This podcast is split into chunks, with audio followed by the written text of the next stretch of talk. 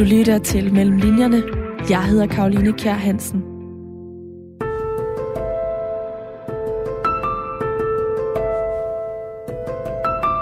En ø i sig selv er jo en god setting, ikke? Altså noget, man ikke kan slippe væk fra. I 2020 besøgte forfatter Julie Hastrup Ungdomsøen for første gang. Og det første besøg, det blev absolut ikke det sidste. De seneste år er Julie Hastrup vendt tilbage til øen flere gange for at researche, og Ungdomsøen danner nu rammen om hendes nye krimi, Kryb. Alt er ikke korrekt angivet i en en-til-en formel. Men jeg lader mig inspirere, og jeg husker nogenlunde, så kan det godt være, at jeg har lagt noget mere græs her, hvor hun løber, men, men, men det mere det, at jeg får en følelse, jeg gerne vil skrive på. Jeg er taget med Julie Hastrup til den lille ø i Kattegat ud fra København, hvor uhyggen selv på en dag med høj sol kan snige sig ind på en af Danmarks pt. mest populære krimiforfattere. Ej, den er så uhyggelig. Nej, jeg bliver helt uhyggelig. Nej, var den uhyggelig? Nej, den er værre, end jeg regnede med. Velkommen til Mellem Linjerne, programmet her på Radio 4, der handler om forfatteres research og arbejdsmetoder. Mit navn er Karoline Kjær Hansen.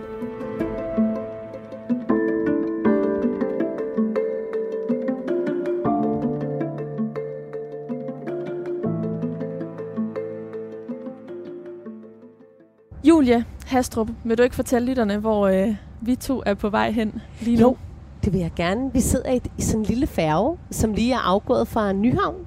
Øhm, og nu er vi på vej over mod Middelgrundsfortet. Altså det hedder det i gamle dage.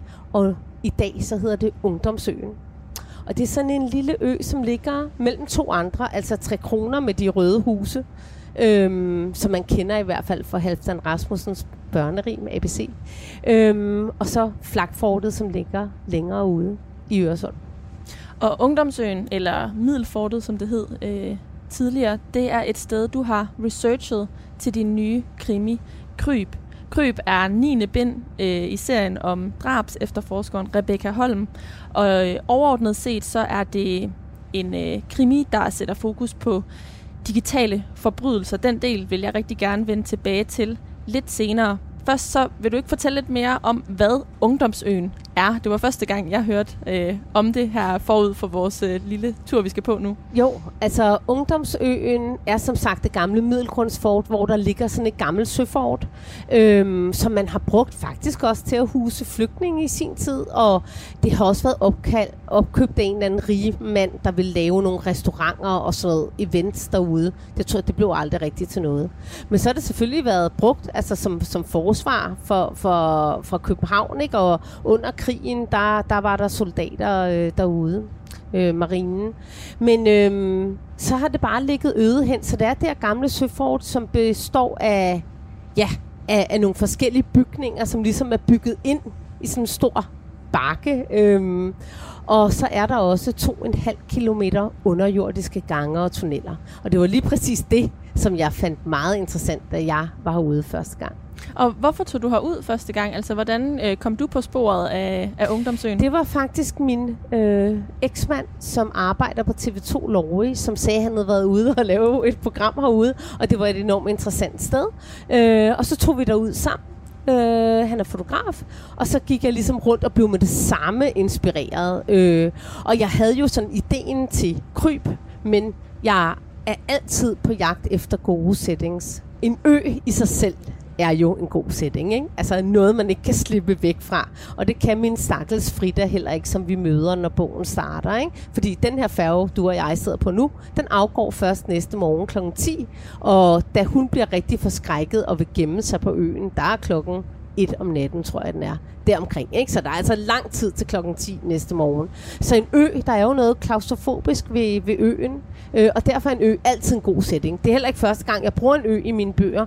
Det har jeg også brugt med en lille finsk ø, hvor der ligger et sindssygt hospital øh, øh, i min sjette bog, Mirakelmanden. Men man kan sige, at en ø er altid interessant. Så synes jeg, det var sjovt, det der med, at den ligger så tæt på København, så tæt på Nyhavn, og egentlig så tæt på liv og mennesker, men de kan ikke høre dig, og du kan ikke høre dem. Så det synes jeg var spændende i sig selv. Og så synes jeg, det der med, øh, jeg skriver jo om alle, hvad skal vi sige, befolkningsgrupper, øh, alle socialgrupper, alle køn. Øh, og også alle aldre i mine bøger. Men jeg synes, det var rigtig interessant også at dykke ned, dykke ned i det her med ungdoms, altså ungdomslivet. Og det kan man leve ude på den her ø, fordi at Ungdomsøen, det er en ø, som er lavet altså, til unge, for unge.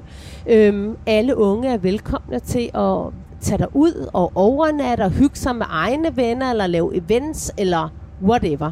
Øh, der er en masse faciliteter derude, som man kan bruge for en meget billig leje. Mm. Øh, og det synes jeg var rigtig spændende. Mm. Så er der også det andet uhyggelige ved øen.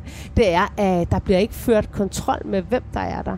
Så alle kan i princippet lægge til, svømme derud, padle derud, øh, sejle derud og opholde sig på øen. Altså, der bliver simpelthen ikke øh, ført logbog over, hvem der kommer og går. Det er sådan et lille autonomt øh, ja, samfund i det virkeligheden. Er det. det er et ja. lille autonomt samfund. Ja. Og til hverdag, så bor der øh, af et år ad gangen, så bor der cirka 5-6 unge mennesker, og så er der en øbestyrer, ligesom jeg også har beskrevet det i min bog. Øhm, og de går så og vedligeholder øen og er med til at planlægge de her events og sådan noget. Der er nogle værksteder og, og så videre og så videre. Ja. Mm, ja. Og så kan andre lege øen, og det sker jo også i min bog, ikke? at Værdipartiet leger øen for at holde et ungdomspolitisk event. Lige præcis. Det er den øh, aften, hvor at vi øh, som læser indtræder i ja. øh, fortællingen. Der har været det her øh, arrangement for Værdipartiet, og grunden til, at Frida, som du nævnte før, er derude, det er fordi hendes veninde Gro, hun er sådan et øh, års øh, frivillig ja. øh, derude. Hun ja. har ligesom sagt, jeg tager et år ud af min kalender, man får, øh, man får kost og logi, og så øh, ja. er man med til at vedligeholde øh, øen derude. Det her med, med ungdommen, øh, hvorfor var det noget, der... Øh, du synes var spændende at dykke ned i? Jamen, altså, det er jo fordi, at det er jo altid interessant at dykke ned i forskellige aldersgrupper. Som sagt gør jeg det meget og blander det op, altså, i, i alle mine nu ni bøger. Men det hænger måske også sammen med, at jeg selv har to unge derhjemme på 18 og 20 år. Nu min, den ældste er lige flyttet hjemmefra. Men man kan sige, øh, så, så, så jeg kender tonen, og jeg kender... Øhm, ja, altså den måde, de, de, de færdes på, og, og det synes jeg var interessant. Men alt det, som nettet jo også, altså internettet, øh, betyder for de unge i dag, ikke? Øh, og som det jo slet ikke gjorde, dengang jeg selv var ung, altså som var et helt andet ungdomsliv. Så, så jeg synes, det var interessant at dykke ned i det her og undersøge ungdomslivet af nu nu.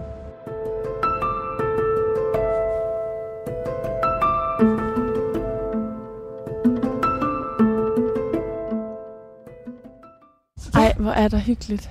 Ja, med græs hyggeligt. på... Prøv lige at øh, se her. Det er så fint. Ej. Og der er landingsbane til helikopter. Ja. Ja, ja. Nå, men nu er vi lige stået af færgen. Ja. Og øh, hvis vi går til venstre, så er der allerede der, lige om lidt rundt om hjørnet her, et øh, sted, som spiller en rolle i øh, Kryb. Det er faktisk en af de første scener. Ja, det er det. Det er åbningsscenen, kan man sige, ud over prologen, ikke? Som, som er en, en, en brand det her, øh, det synes jeg var så hyggeligt, da jeg ankommer første gang. Det er sådan en lille bitte sandstrandbred, der ligger, og nu kan du se, der kommer også en masse mennesker gående, som øh, sikkert har badet. Ja, de har baderingen med. Øhm, så der er sådan en lille sandstrandbred, og nu er der også i mellemtiden kommet en lille rund af de der dejlige saunaer. Men øh, her, der bader Frida i åbningsscenen i Kryb. Øh, det er nat, og de har holdt den her store middag og fest for Værdipartiets øh, ungdomsafdeling. Øh, og nu er de en masse mennesker ude at bade, og hun har egentlig ikke rigtig lyst, også fordi hun har noget på sin krop, hun gerne vil skjule. Men øh, hun bader i en lang trøje, og så går hun med ud her i mørket, og der er total gang i den. Og så her på den her lille strandbred, der er der nogen, der sætter nogle fakler ned i sandet. Og så står der en masse derinde og ved at klæde sig af for at hoppe ud i vandet til hende. Og det er der, da de her fakler bliver placeret, at hun ser noget, som virkelig skræmmer hende. Mm. Og som får hende til at løbe op af vandet her, og så op af stien, op på, på øens, øh, op mod øens top. Ja, faktisk så øh, synker hun sig, eller sænker hun sig faktisk ned under vandet, ja. inden hun løber op. Det er altså, rigtigt. Hun, Først øh, bliver hun så forskrækket, og hun dukker under vandet, og nærmest har lyst til at blive gemme, dig, ja, gemme sig, og det kan man jo godt, når der er mørkt i virkeligheden. Det kan man godt, øhm, ikke? og det er jo det er rigtig så gro, svært. Gro, der tager fat i hende. Ja, og trækker hende op og siger, hvad laver du? Og alle er jo lidt fulde, og, og så er det, hun styrter op, ikke? Drivvåd simpelthen, griber sine ting, øh, og styrter afsted ud i mørket for at finde et gemmested her på øen. Fordi det jo det, der er med øen, er jo, at hun ikke kan komme væk herfra. Ikke? Altså, og færgen går næste morgen, så øh, hun er nødt til at finde et sted, hun kan opholde sig. Mm. Den her, øh, det hun ser, som forskrækker hende, det er jo så det, som vi hele vejen igennem som læser øh, er spændte på at finde ud af, Ja. hvem det er. Og der er flere personer undervejs, som Ja. man, man tænker, øh, det kan være. Øh, Gro og Frida. Gro tænker man i hvert fald ikke, det er.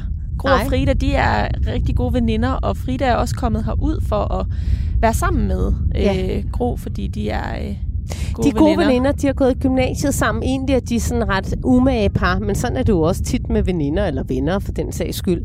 Øh, Gro, hun er meget udadvendt, ekstrovert, initiativrig osv., så, videre, så hun vil herud og bo på øen, og hun vil opleve noget. Og Frida, hun har godt bemærket, at Frida gennem det seneste halve år er blevet mere og mere sådan indadvendt. Men det har hun også altid lidt været. Altså, hun har altid været sådan mere stille og tilbageholdende, og, og Gro har prøvet sådan lidt at spørge, men alligevel ikke gået rigtigt til hende. Og hun ved jo, at Fridas forældre er blevet skilt øh, et år forinden, og tænker, at det nok hænger sammen med det. Mm, Men hun har forandret sig. Der man har bemærket en, ja, en, en Frida ændring. har forandret sig, og det har Gro også bemærket. Mm. Ja. Skal vi prøve at gå øhm, Ja. følge den rute, som er det altså spørgsmålet er jo den rute, som øh, Frida løber, er det den rute man i virkeligheden ville skulle gå, når man øh, er her på Ungdomsøen? Ja, det er det. Altså, det er meget sådan øh, i overensstemmelse med, med sandheden, vil jeg sige. Øh, fortet ligger jo herinde på vores højre hånd, ikke? og kæmpe dybt og stort, og ligesom bygget ind i den her store, hvad vil du kalde det her? Bakke? Bjerg? Ja, en altså, form for rampe næsten. Altså, Ja. øhm, det er Og sådan men, en... men man kan komme ind, altså vi stod lige før ved hovedindgangen til fortet, og som jo er sådan stort og i kæmpe sådan store kampesten. Men hvis man går den her vej op, hvor vi går nu, og så kommer man om til bagsiden af fortet, der kan du ikke se det et fort. Har bare græsbakker og alt muligt. Men så er der nogle døre ind til fortet, og de findes. Og inden vi går øh, helt op, så kan det være, at vi lige skal kaste et blik bagud. Så nu kan vi så kigge hen på den strand igen. Øhm, Ja, nu kan vi se og, den lille og kigger strand. over mod København. Ja. Og det... Øh, Vi kan se en masse luksuslejner, vi kan se Nordhavn med alt deres moderne byggeri. Øhm, ja, og vi kan se, når vi kommer længere op, kan vi også se Øresundsbroen og alle vindmøllerne. Ikke? Og vi kan faktisk også se Flakfortet og Tre Kroner, de andre øer, øh, der er. Men øhm, det er sådan lidt disset dag i dag. mm, det er det nemlig. Ja. Men, men da, da du var herude første gang, var det så... Øh, det her view, hvad, hvad sagde det dig som, øh, som krimiforfatter?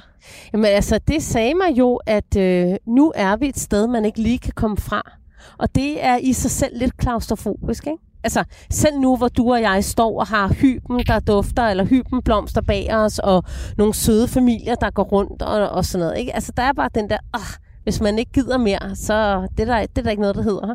Man er nødt til at blive. Vi er nødt til at blive, indtil færgen kommer, ikke? Mm. Altså, så der er jo den der sådan klaustrofobiske fornemmelse, kan man sige, øhm, af at være på en ø, man ikke kan slippe væk fra. Mm. Og, og, og de øh, steder, vi kan se bag os, øh, nu går vi fremad, hvordan, hvordan øh, kunne du bruge dem i din roman? For der er jo også blandt andet Nordhavn, som spiller en rolle i, Ja. i Kryb. Altså, hvordan, hvordan kunne du ligesom sætte en, øh, en, en, en streg mellem de steder i København og så stederne her på Ungdomsøen? Jamen altså, jeg vil sige, som krimiforfatter er man altid, eller det er jeg i hvert fald, det vigtigste er jo selvfølgelig selve plottet og plothistorien, og at karaktererne er interessante, og dialogerne fungerer, bla, altså så videre. Men øhm, det er jo også rigtig interessant, interessant at finde de her gode steder, hvor man kan lægge lig, eller hvor der kan ske noget. Øh, så dem er jeg jo altid lidt på jagt efter, og størstedelen af mine bøger foregår ej, okay. Der er også et par stykker i Vestjylland. Og Du der er kommer også, selv fra Ja, Ringkøbing, så Ja, øh, jeg, den jeg er født i Ringkøbing, men kommer fra København. Altså, jeg har aldrig boet i Ringkøbing, men man kan bare sige, at, at det er altid interessant at finde sådan gode steder, og der er øen her, som vi står på, Ungdomsøen, rigtig god. Øhm, og så prøver jeg også netop præcis, hvad vi kan kigge over på nu, det som hedder Nordhavnstippen, og som er midt i København, sådan et kæmpe naturområde med får og træer, og jeg ved, der er 8 meter dybt helt inde til kanten. Så der er, øh, det, det er også lidt creepy, ikke? Mm. Øhm, og så kører der ind imellem nogle lastbiler. De kører ud for at aflevere proviant til de her store luksuslinere, der ligger på siden. Øh, der er sådan nogle store containere herover, hvor man øh, øh, lægger mad, og hvad man ellers skal bruge på sådan et skib. Så, men ellers er der meget øde. altså man kan sige, Nyhavnsbyggeriet er slet ikke noget derud endnu. Øh, og det synes jeg var enormt interessant. Men det er ikke fordi, jeg har stået her på øen og tænkt, nu vil jeg derover og skrive. Jeg havde bare hørt om Nordhavnstippen og tænkt, der vil jeg over. Og så tog jeg over med min redaktør Lene og gik en tur. Og det var simpelthen en skræmmende affære. Jeg må sige det Hvorfor sådan. det? Jamen altså, øh, ej, det er altså svært at gå op og bakke Ja. ja. overtale så meget. Vi, vi sænker lige farten. ja.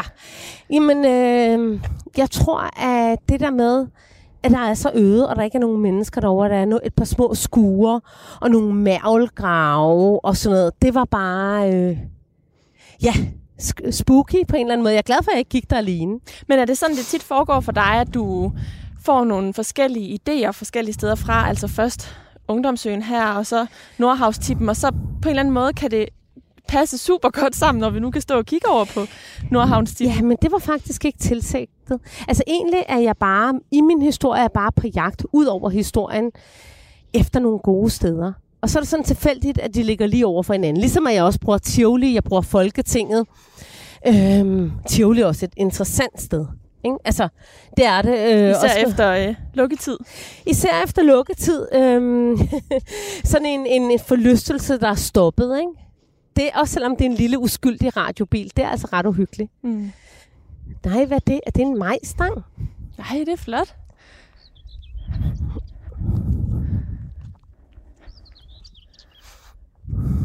Nu er vi, vi er ikke helt oppe på øverste på øen. Men det her, så ligger der en masse shelters, træshelters, hvor man kan ligge og sove. Og det er altså ret vildt, at når man vågner om morgenen, så kigger man jo direkte ud på vandet. Det må bare være helt fantastisk. Ja, har ret fint, ikke? Mega fint. Og har udekøkkener og alt. Altså, ja. Har er ret vildt. Det er en fed ø. Totalt. Men hvis det her det er den vej, som Frida hun løber, og det ligesom er gengivet korrekt i kryb, ja. hvor, er, det, er, er det så sådan, du arbejder normalt med din research som forfatter, at du gerne vil, øh, at alt er korrekt angivet, så, der ikke, øh, så det er så virkelighedstro som muligt? Alt er ikke korrekt angivet i en en-til-en formel. Fordi øh, hvis jeg gør det, altså der er heller ikke noget parti, der hedder Værdipartiet, vel? Altså, øh, så bliver altså det her fiktion, jeg skriver, og det er ikke en dokumentarisk bog over et eller andet emne. Øh, men jeg lader mig inspirere, og jeg husker nogenlunde, så kan det godt være, at jeg har lagt noget mere græs her, hvor hun løber, men, men, men det er mere, at det er, jeg får en følelse, jeg gerne vil skrive på. Mm. Altså forstår, altså, øh, hun løber her om så lige, så har jeg ikke målt op, hvor meget asfalt der er, eller altså, på, på den måde, det synes jeg også vil være utrolig begrænsende. Øh, det vil være sådan, som man arbejdede journalistisk, hvor det skal være korrekt. Ikke? Altså, men, men, men det skal man jo ikke i fiktionen. Så jeg, jeg vil sige, det er sådan et, hvad skal man sige, en, et inspirationssted, jeg så arbejder videre fra. Blandt andet, nu er vi på bagsiden af øen, og det her jo er der forskellige sådan nogle gamle øh, jerndøre ind til det her gamle fort, som jo er i tre etager. Og der har jeg så placeret i min tanke, altså i, i min bog, i Kryb, der er der så her en dør. Den findes også i virkeligheden, den er lidt længere henne, men hun løber, hun løber herover, øh, hen over græsset, hun kan sætte sig også, og hun er våd, og hun fryser og så videre, og så er det, hun finder døren. Øhm, og den har jeg gjort lidt mere indhyldet i buskads, end hvad den er i virkeligheden. Mm. Ja, her er det sådan egentlig relativt åbent, fordi der er blevet slået græs, og der er nogle øh, Ja, øh, hvad hedder det, krydderikasser. det er der. Øhm, så, så på den måde er det egentlig rimelig åbent. der digter jeg lidt, ikke? Altså, jeg bruger sætningen rigtig meget. Dufte, hvad er her? Jeg kan huske, at jeg var her første gang, der var luften fyldt med insekter. Og det samme årstid, som min bog foregår frem, så skriver jeg det ind, ikke? Altså, hvordan er her? Hvordan er beplantningen? Hvilken, altså, jeg har, har hyggeligt eller ikke hyggeligt. Nu har ret mange mennesker i dag, altså, ikke har jo meget affolket alligevel. Men når jeg har været har der ikke rigtig været nogen. Øh, men altså, så, sådan bruger jeg. Jeg tror faktisk, døren er hernede. Nu skal lige prøve at se. Jeg kan ikke helt huske det i hovedet. Øhm. Det er den der. det er en dør, man kan komme Det er ind den af. dør, hun løber ind af. Ja, og den har jeg så bare bygget øh, lidt som om den er sådan her. Altså med noget, bevo- øh, noget bevoksning henover, ikke? Nu står vi... Der er jo mange sådan steder, man det er kan sådan en falde lille ned. skagt, man Ja. kan... Ja. Og så er der de her to en halv kilometer, var det du sagde, gange To og en under. halv kilometer underjordiske gange og Og det er dem, som, øh, som døren fører ind til. Ja, og det gør Øhm, den her dør.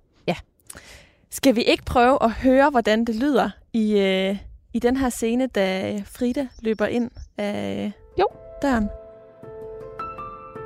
Frida kom langsomt op at stå og lod begge fødder glide ned i gummiskoene, som var blevet våde af vandet, der havde sivet fra hende. Når hun bevægede benene, sagde skoene en svuppende lyd. I det samme kom ideen til hende. Hun ville gemme sig inde i det hemmelige rum. Det, som Villas havde vist hende, sidst hun var her. Det sted, som hun ikke skulle afsløre for nogen. Der ville hun være i sikkerhed, indtil hun kunne slippe væk med færgen næste morgen. Hun gik vaklende hen over en forhøjning, hvor et stort krat næsten skjulte døren ind til søfortets bagside. Og alle de underjordiske gange. En smule forpustet trak hun i den gamle jerndør, og efter hun havde rusket i den et par gange, gik den op med vinende hængsler. Frida trådte inden for en lang tunnel, hvor et neonrør under det velvede loft oplyste den cementgrå gang i et diffust, flimrende skær. Og hun gik til højre med hastige skridt, gik og gik, hurtigere og hurtigere i den gustne lugt af gammel jordslået beton. De gamle betonmure hældede klaustrofobisk ind over hende, og hun kunne pludselig ikke huske, hvor det lille rygeaflukke var. Hun stavrede fremad, mens lyden af hendes svuppende gummisko gav ekko i gangene, og hun satte våde aftryk på det slidte betongulv. Hun passerede en af de gamle elevatorskakte, som fandtes flere steder i fortet, og hvis sorte dyb altid fik hendes hjerte til at hamre ekstra hårdt. Tænk, hvis man faldt derned. Hun skyndte sig forbi, rundede det ene hjørne efter det andet, og var lige ved at opgive, da hun pludselig fik øje på den myrnede trædør med det rustne gitter et par meter længere fremme. Lettet skubbede hun døren op, trak sig hurtigt indenfor og puffede forsigtigt døren til, og stod et øjeblik skælvende i mørket. Hun snøftede, og i den beklumrede luft kunne hun tydeligt ane en note af tjal. Så lod hun sig glide ned på det hårde underlag, sad lidt og hvilede baghovedet mod den fugtige betonvæg, lukkede øjnene. Hun kunne stadig ikke fatte, at han var her på øen. Herude, hvor hun var begyndt at føle sig en smule tryg, og hvor hun endda indimellem kunne føle et strejf af glæde. Tro på, at der fandtes en fremtid for hende. Og så var han, den person hun frygtede allermest, alligevel kommet så tæt på. Men det gav et sæt i Frida, da det pludselig gik op for hende, hvad der også var sket. Magtbalancen imellem dem havde med et forskubbet sig. Nu vidste hun jo, hvem han var. Han havde pludselig fået et ansigt og et navn. Og hvilket navn? Det var helt ufatteligt, at netop han stod bag. Kan vide, hvordan Trine ville reagere, når hun fik det at vide. Kan vide, hvordan verden ville reagere. Hun famlede efter sin mobiltelefon i jakkelommen, fandt den og konstaterede, at signalet var dårligt, men besluttede sig alligevel for at gøre et forsøg. Jeg ved, hvem Diabolos er. Han er herude. Jeg tror ikke, han ved, at jeg ved det. Hun skrev sms'en med rystende fingre, tøvede kortvej, mens hun overvejede, om hun skulle afsløre, hvem han var, men besluttede sig for, at hun selv ville have glæden af at fortælle Trine det, mens hun så hende i øjnene, og skrev så. Du dør, når du hører, hvem han er. Det bliver den vildeste bog. Jeg vil have hævn, og du skal hjælpe mig med at få den. Ringer så snart jeg kommer hjem i morgen. Hun tøvede Adam, men sendte den så afsted, og mærkede et sus af adrenalin gå gennem kroppen ved tanken om det, der skulle ske. Det ville blive så vildt, selvom hun satte sig selv i skudlinjen ved at stå frem. Men hævnen var det værd.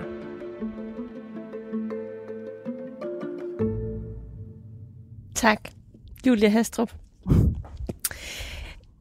Nu sagde du selv øhm, lige før, at øh, der også er noget journalistisk dokumentarisk, og det er det her ikke tilfældet af, men du er øh, journalistuddannet Ja. og har arbejdet ved DR og TV2 Lorry Ja. øh, i flere år, før du debuterede i, Ja. øh, i 2009, og det var så med din første krimi i den her serie om Rebecca Holm, En tårn i øjet. Ja. Hvor meget research er der i virkeligheden gemt mellem linjerne i sådan en bog som øh, Kryb, som du er aktuel med lige nu? Jamen altså, man kan sige, at jeg fik ideen til selve plottet for en årrække siden, hvor jeg faldt over en artikel øh, om et fænomen, som foregår i virkeligheden, desværre vil jeg sige, for det er virkelig, virkelig skræmmende. Øhm, og der tænkte jeg, at så plejer jeg, når jeg falder over sådan noget, at rive de her artikler ud, eller printe dem ud, og gemme det i sådan en øh, idémappe, jeg har. Øhm, og der tænkte jeg, det vil jeg skrive om på et tidspunkt. Og da, da øh, det her fænomen særligt koncentrerer sig om unge mennesker, særligt unge kvinder, øhm, så, øh, ja, så passede det nu her, og det er derfor, at jeg skriver om unge en del i hvert fald i den her bog. Ikke? Mm. Så øhm, ja, det passede nu, og jeg synes, at tiden virkelig også er oppe til, at man øh, tager hul på det her emne. Ja, det her emne relaterer sig til internettet, og det er også derfor, som jeg sagde tidligere, at sådan den overordnede tematik er digitale krænkelser eller forbrydelser ja. i, i det her tilfælde. Øhm, Frida er øh, den person, som... Øh, hvis lige bliver fundet herude på Ungdomsøen, hvor vi, øh, vi er lige nu. Og vi skal ikke røbe for meget, men det har altså noget med, med internettet at gøre, øh, at hun bliver fundet. Og i virkeligheden ved man ikke, om hun er blevet dræbt, eller hvad der, hvad der øh, er op Nej. og ned i den her sag. Men Rebecca, din øh, drabs efterforsker, hun bliver i hvert fald hidkaldt hertil, og bliver altså sat på sagen og i gang med at finde ud af, er det et mor eller ej til, dit, øh, til din forrige roman, Vildskud, øh, som var nummer 8 i serien, der mm. var du meget inspireret af noget fra dit eget liv, et overfald, som din søn havde været øh, udsat ja. for. Ja. Det her øh, med digitale forbrydelser øh, eller krænkelser, det er, det er ikke noget, du sådan direkte tager fra, fra dit eget liv, når du Nej. fortæller om den her artikel, hvordan ideen opstod. Nej, det gør jeg ikke. Men, men det, som jeg tænker, er, at de fleste af os har jo med nettet at gøre, og bruger altså sociale medier rigtig meget, og de fleste af os har også oplevet, hvordan helt almindelige, ordentlige mennesker, som aldrig ville begå forbrydelser, øh, eller i hvert fald, det tror vi ikke, de ville, øh, gebærder sig på nettet og bruger nettet. Ikke? Og der, der sker et eller andet med os alle sammen, øh, hvis man ikke er meget bevidst om det, om hvordan man så forholder sig til andre mennesker. Ikke? Altså, det er meget sværere at, at verbalt krænke nogen, man sidder overfor, som du og jeg gør nu. Men det er let når det bare er et navn øh, på, på Facebook eller hvor det er Twitter, Instagram osv. osv. Så det synes jeg er interessant i det hele taget, at vi har fokus på, hvordan vi taler til hinanden og omtaler hinanden øh, på sociale medier. Det er jo ikke det, bogen handler om, fordi jeg tager det langt videre, kan man sige, og det er et decideret... Det er et helt særligt fænomen, som vi ikke kan fortælle, hvad er. Præcis. Så røber vi simpelthen for meget. Og det er en decideret forbrydelser altså som der er en straframme overfor, men som jo er svært. Øhm, og det er desværre virkeligheden, at det er svært for politiet at efterforske øh, de her øh, øh, forbrydere på nettet. Mm. Og det er det, fordi at folk er under de, alle mulige vilde dæknavne og alias og så videre og så videre. Så det kræver øh, politiet, selvom de har øh, og arbejder internationalt og alt det der, så kræver det afsindig, afsindig meget øh, mandetimer og gennemtravle øh, ja, hele det her for at opklare det. Ikke? Men der er faldet dom i nogle lignende sager for nyligt. Øh, både... Øh, med en australsk forbryder og en engelsk. Så, så der sker gudskelov noget, men som sagt er det meget ressourcekrævende, øh, desværre, mm. at efterforske.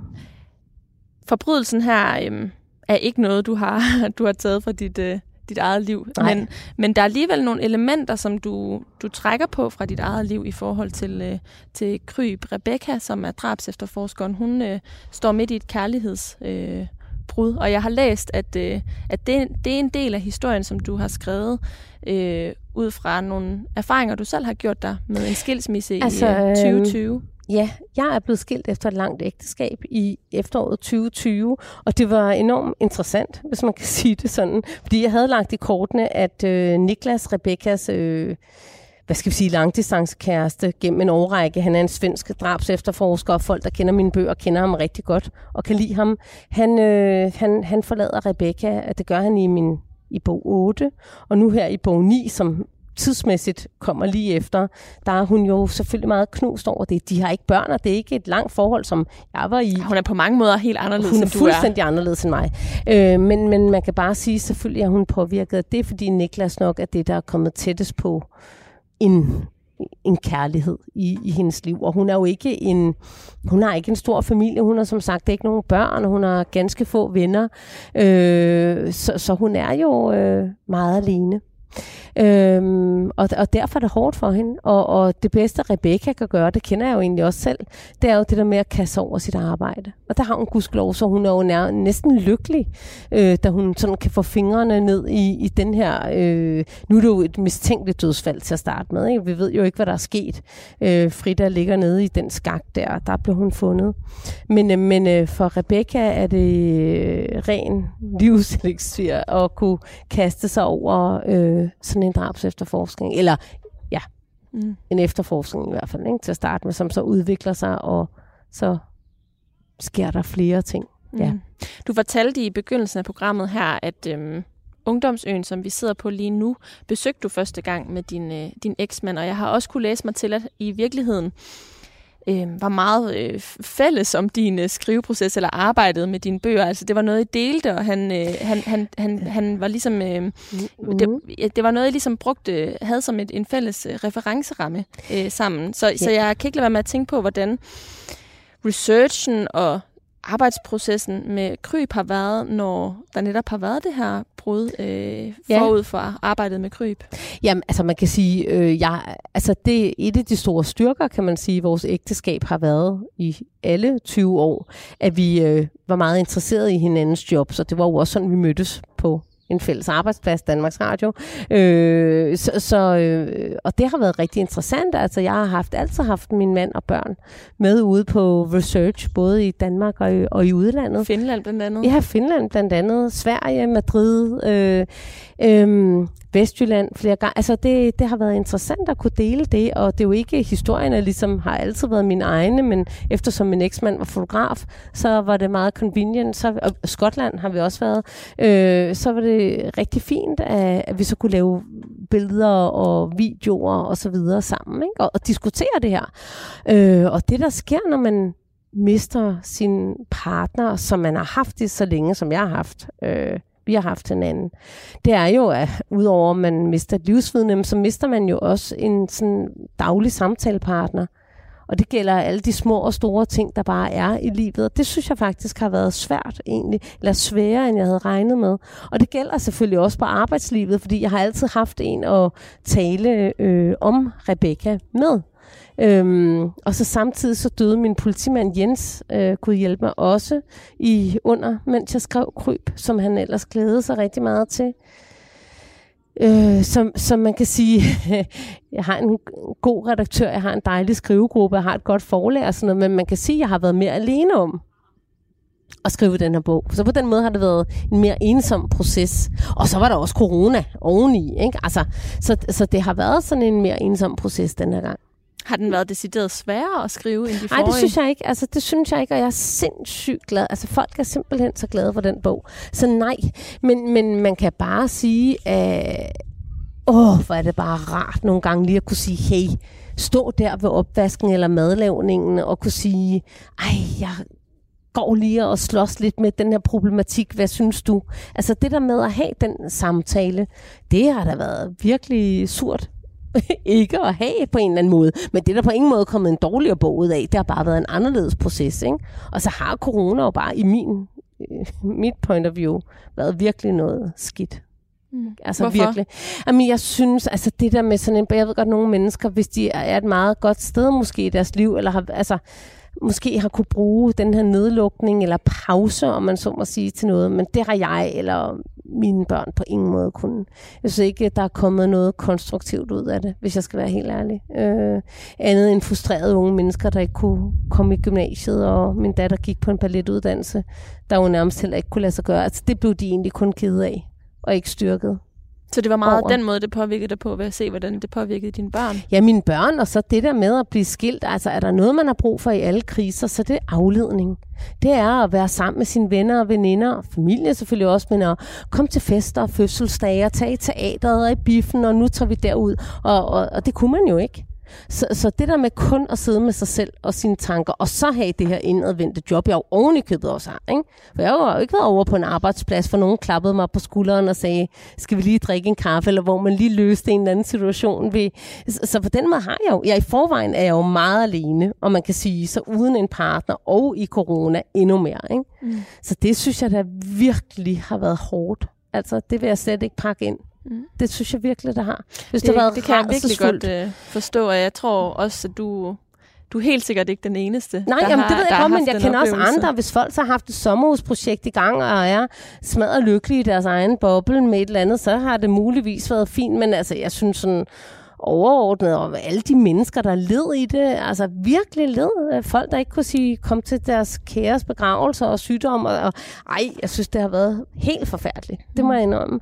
Og, og så synes jeg som sådan en anden lille ting, jeg bor jo midt i Indre By, og det har jeg jo valgt, fordi jeg elsker byens øh, puls, og når jeg har stået og kigget ned i min gade, hvor der er vand til, så kører der et voldbud og taxaer og biler, og der går mennesker, der er restauranter og sådan noget. Jeg kan huske der i januar, 21 må det have været, øh, hvor der igen blev, nedlukningen blev ligesom ved, ikke? Altså man bare stod og stirrede ned på intetheden, tillukket, ja, dødt. Det var ikke, det var ikke rart. Mm. Nu har vi heldigvis ja. første gang i tre år en sommer uden coronarestriktioner. Kun med piloter der strækker, så også. Så, så, så dejligt timet. Så midt kan man... I, midt i alle de her mennesker, der har udskudt deres rejser og glæde sig. Ja, ja, men ja, du har ret. Men hvis, man, hvis, hvis ens fly bliver øh, aflyst, ja. så kan man tage hen til Nyhavn og tage færgen en halv ja, time ud til ungdomssøvn, hvor vi, og så kan man holde ferie hvor herude. vi sidder ja, det kan man. Øh, lige nu. Og så kan man jo øh, meget vel læse din øh, roman Ja, det må man også i, meget gerne. I den forbindelse. I efteråret, der takker du blandt andet professor i retsmedicin Hans Peter Hågen. Ja. Hvad har du brugt ham til? Jamen, øh, HP, som jeg kalder ham, eller som alle kalder ham, for det er det, han hedder, han øh, hjælper mange af os krimiforfattere med de sådan helt tekniske ting, retsmedicinske øh, detaljer. Det er han sindssygt god til. Han er en virkelig god øh, samarbejdspartner, synes jeg. Øh, og, og, og jeg, jeg har det sådan, at hvor jeg godt må digte øh, her på, på settings og sådan noget, ikke? eller lægge noget til og sådan noget. Der skal det ikke Flyt være en ting. Flytte en dør, for eksempel. øh, der, har, der skal alt det retsmedicinske og det politimæssige, det skal være øh, i orden. Ikke? Det retsmedicinske, altså jeg, jeg har jo stadig Rebecca inde på politigården, velvidende, at der, der sidder drabsafdelingen ikke længere, men øh, det, har, det har jeg altså valgt. Mm. Og det er et kunstnerisk valg, og det er simpelthen fordi, at der er så vidunderligt derinde, og der er så spændende og interessant, at jeg vil altså ikke flytte hende. Øhm, og der sagde min politimand Jens altid, det er fuldstændig plausibelt, og lige om lidt, så kommer der nogle nye grupper derind, der sidder. Så det holder du bare fast i.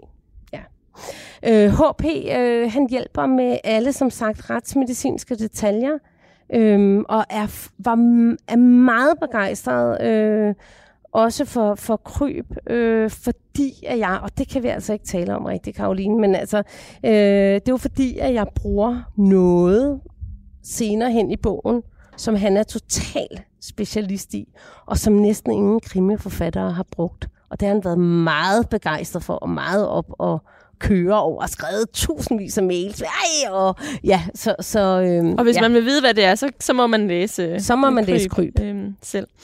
Skal vi prøve at se, om vi kan finde den øh, lem, som er jo faktisk både øh, gernings- og findestedet? Ja.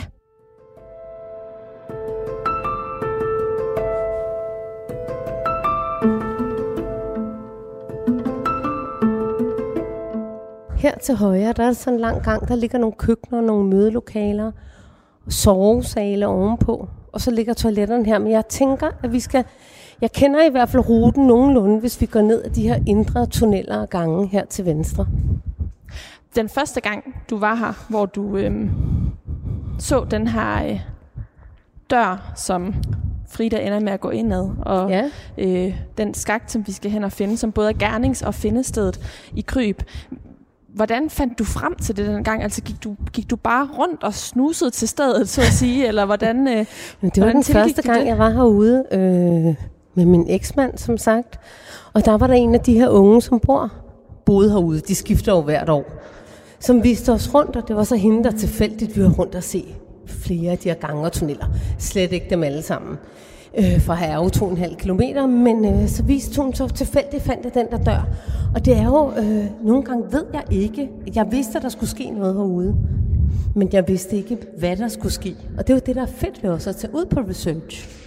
Øh, det er jo det der med, at lige pludselig så popper der nogle ting op. Nå gud, der er den der skagt i øh, cementgulvet eller betongulvet her. Kunne der ligge et lig dernede? Gud ja, det kunne der, kunne der. Altså, og så, så, og der er altså virkelig, øh, til jeg lytter, øh, kan informere om, at der er virkelig koldt her nu. Ja. Altså man kan godt mærke, at vi er under jorden i sådan noget også, ikke? koldt materiale, øhm, og der er ikke skyggen af et øh, vindue eller lysindfald. Nej, har nemlig ingen vinduer, der er der heller ikke i de små aflukker. Og på at kigge her, ikke, så er der sådan lidt diffus lys, og så er det sådan vælvede gange, der er helt sådan afskaldet, har lugter jordslået. Øh, har ikke så rart. Og så prøv at se her, hvad vi kommer til her. Der er en af de elevatorskagte, som jeg også beskriver i bogen herude. Ikke? Og de er mange steder på øen, og det er jo, det er jo altså bare sådan rustent, og den virker jo selvfølgelig ikke, og der er gamle kabler, der stikker ud, men øh, ja, Og det er sådan en øh, creepy. totalt, og, øh, sådan en frygt, som jeg tror mange har med at, at sidde fast i en elevator, Ja. eller øh, at elevatoren går løs, og man ryger ned i skakten. Ja, ja præcis. Og, og, og, hvad hedder det, Frida, hun kigger også her i elevatorskakten, da hun løber rundt i gangene her. Hun leder jo efter et særligt sted. Hun kommer i tanker om et særligt sted at gemme sig. Og det er inde i det her lille aflukke. Der kan du se, der er igen en elevatorskakt der. Men her er, du har helt ret, altså har koldt, og har er fugtigt, og har, har lugter sådan lidt af benzin nærmest. Mm. øhm, og har er virkelig ikke særlig rart. Og sådan her fortsætter gangene, men jeg mener, hvis vi fortsætter, så er der nogle af de her rum, der er indrettet til ja. Ja. sådan små mødelokaler, altså vinduesløse mødelokaler, hvor hvis man holder et eller andet event herude, så kan der være et rum, man skal ind i og, og, og lave noget. Ikke? Så de her aflukker, vi er nærmest Er kaldt dem. udnyttet nogle, nogle Nogle steder, men er altså de fleste steder ja. står det bare helt... Øh, Så hvis vi går hen. så skal jeg vise dig en gammel Ja. tegning fra, øh, det kan jeg huske er herinde. Vi er inde i sådan en gammel maskinrum, og her er der en soldat under krigen, som har tegnet en lille Ej. tegning. En helt original tegning. Soldaterne er tegnet i 1941. Ja, den er meget skæg. ej, hvor fint. Ja, Det emmer af historie, det her. ja det gør det. Og Man skal- frygt. Og frygt. Skal vi lige passe på den Ja, side? man skal se sig lidt for, hvor man går. Ikke? Ja. Det, det er ikke for de gangbesværede, Nej. kan man sige, at være herude. Øh. Men ellers er det afskallet beton, der fortsætter og fortsætter. Og nu vil jeg jo så gerne finde... Ja, Vi er på jagt efter den dør, som fører ind til den lille skagt, hvor Fridas lig bliver fundet. prøv lige at se der. Så på, Hold er der nogen, op. der har skrevet død med rødt på den her mur. Ikke? Det er også fedt. Det giver sådan en mindelse til øh, gyserfilm. Ja, præcis. Og der er jo noget med det her med, at de her tunneller og gange, som ligner hinanden så meget. Ikke? Du kan jo ikke finde rundt i dem. Altså, har jeg jo oplyst, men de ligner jo alle sammen, og det er der også noget meget uhyggeligt i. Det der med, at man løber og løber, men, men kan, man, kan man finde ud? Altså den der sådan labyrintagtige fornemmelse, ikke? Og alligevel så øh, er der jo også et moderne twist over det, fordi nu gik vi lige forbi en væg, hvor der stod AdSnap, altså den her øh, Ja. applikation, hvor man kan sende billeder til hinanden, så øh, Ja. at, der, at internettet fylder meget for de unge, og at det her også kunne være et omdrejningspunkt for en øh, digital forbrydelse, er i hvert fald ikke fjern, når man går her. Det er overhovedet ikke fjernt. Det er det ikke. Men har jeg, har jeg interessant, så mener jeg, at det er længere henne her, men nu må vi se, om jeg har ret. Vi krydser fingre. Vi krydser fingre. Ja, luk døren. Og, og, og det er jo det der med, altså, og det illustrerer da også meget godt, det der med, at jeg tilfældigt faldt over den her, det her aflukke med, med den her lem i gulvet. Øh, første gang jeg var her, som var i sommeren 20, øh, og, og sidenhen har jeg ikke, er det ikke lykkedes mig at finde den. Ej heller, selvom jeg har fået hjælp for, for øh, nogle af de unge, der bor herude. Ikke? Så øh, ja, så det er Det er- meget svært at finde. Og det er jo plausibelt i forhold til historien, fordi det tager dem jo lang tid Og finde, at finde. Ja, det var de her gamle toiletter, der, der engang har været toiletter. Båse. Og så skal vi igennem her. Og der er også lidt, jeg tænker også lidt sådan, eller hvad hedder det, Olsenbanden, Ja. med alle de her jerndøre mellem gangene, ligner, der kan lukkes. sådan, det ligner næsten sådan en øhm, pengeboks nogle gange. Altså sådan det der med, at det er sådan nogle rum, man ikke kan bryde ind i. Ja. Altså, så havde jeg jo husket det, som om, at rummet lå her. Men det gør det jo så bare ikke. Og så er det, at jeg ikke helt ved. Og man ved jo heller ikke helt, om man tør, vel? du Gå prøver, op et sted, vi ikke kan komme Julie ud fra. prøver at åbne en dør lige nu, men nu kan vi fortsætte ned ad den her gang. Ja, og det er jo også det spooky, der er. Altså det der med, hvordan kommer vi ud? nu er her Det ikke håber nogen. jeg, vi gør. Vi skal nå færgen. det er det. Vi skal nå færgen. øhm, ja, men det, det er det interessante ved at tage på research, fordi rigtig meget tænker man sig til. Men jeg synes altid, at man får noget forærende i researchen. Og det er derfor, jeg gør det. Altså, det er de der ting, du ikke kan tænke dig til, når du ligger hjemme på divanen, eller sidder foran skrivebordet. Nu er vi ude ved den her gang, hvor vi kom før. Ja, det kan jeg godt se. Øh, jeg mener... Skal vi prøve en, øh, en ny? Kan Jamen, man det er godt? helt klart ikke over på den side. Det, Okay. er, det er sådan, som jeg husker det på den her. Nu vil jeg bare lige se, hvad der var her.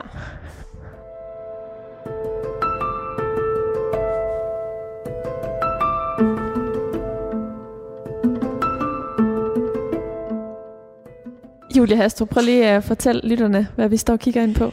Vi står og kigger ind på den famøse lem, hvor det er af min stakkels Frida. Hun blev fundet død i kryb. Og det er helt fantastisk, at vi har fundet det. Du Men har det ikke har kunnet vi. finde det siden første gang. Jeg har du. ikke kunne så finde det siden første gang. Vi skal måske lige fortælle, at vi faktisk har fået hjælp Ja. til at finde det. Fordi du har haft så svært ved at genfinde det her sted, Ja. som du så første gang herude. Ja, og nu skal lytterne jo også lige huske på, at der er altså 2,5 km underjordiske gange og tunneller, fordelt på flere etager.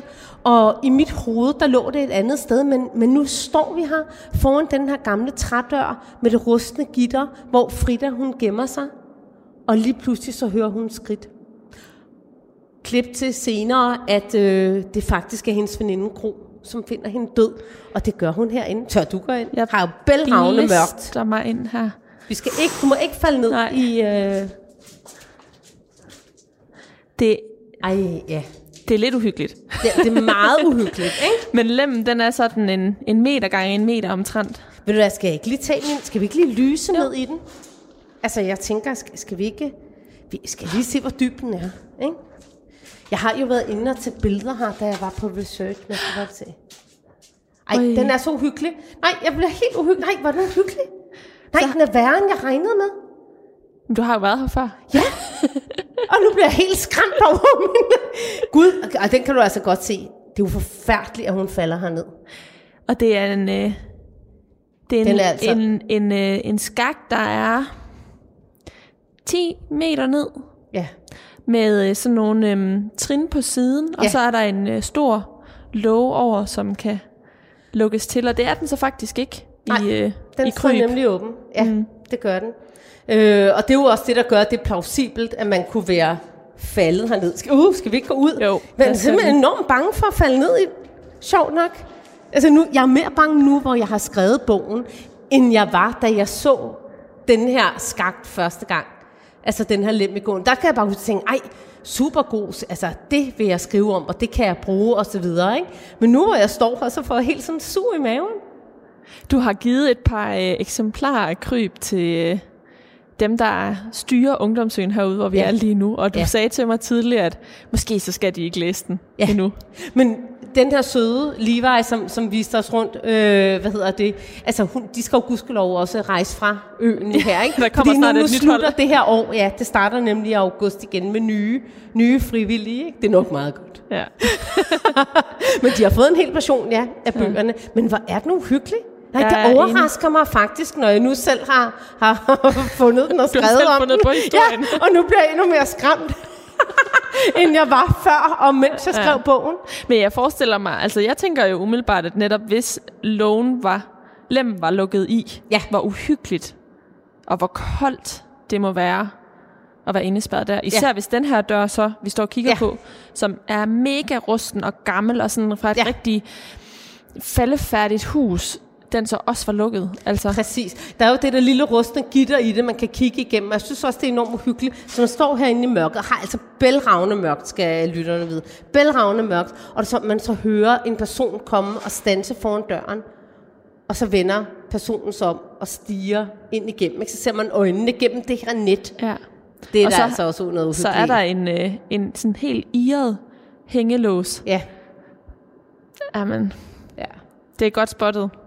Tilbage i 2020. Tilbage til 2020. Og en ja. fortælling, som man altså nu kan læse, den kom på gaden den 31. maj. Ja. Julie Hastrup, her til slut skal jeg lige høre, du har skrevet ni bind om Rebecca Holm, din drabs efterforsker.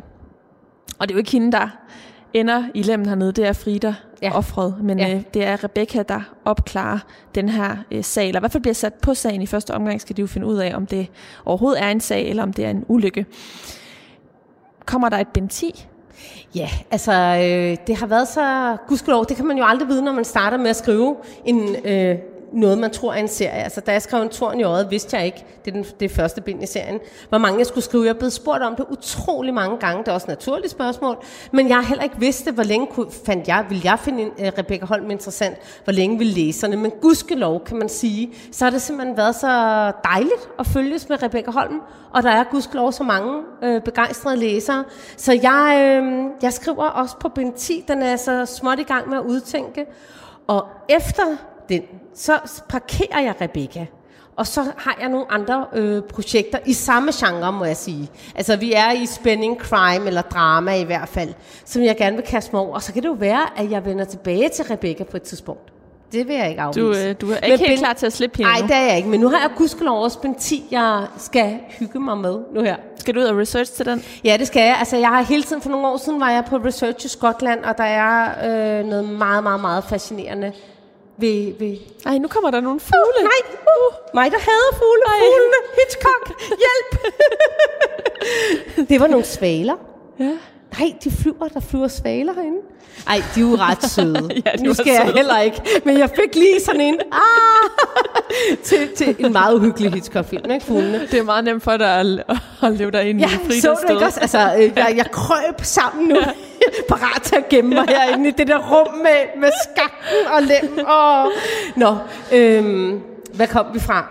Bind 10. Bind 10. Research. Jo, research. Skotland. Jeg har været i Skotland på research for, en, for et par år siden, og jeg vil gerne derover igen. Der er et eller andet ved landskabet, som fascinerer mig, og jeg har jo gudskelov øh, tilrettelagt det sådan i min serie, at der er nogle andre personer omkring Rebecca, som netop skal til Skotland, og en, der muligvis befinder sig derovre. Så der er nogle ting, jeg gerne vil følge op på, og der er en masse savn og spøgelseshistorier øh, forbundet til Skotland. Og det vil jeg gerne undersøge, men jeg vil ikke lægge hovedet på bloggen og sige, at, at det kommer til at foregå i Skotland. Det vil jeg ikke sige nu, det er for tidligt, øh, men det er i hvert fald noget, jeg ser på. Det må tiden vise. For Ja. ja. nu, Julia Hastrup, tusind tak, fordi du ville øh, tage med mig ud til Ungdomsøen og fortælle om arbejdet mellem linjerne i de nye krimi Kryb. Tak fordi jeg måtte. Det har været spændende og ret uhyggeligt også nu her. det, er godt, det er godt, færgen går snart, ikke? Nu må vi se, om vi kan finde ud. Ja. Og jeg vil også sige tak til dig, der lyttede med.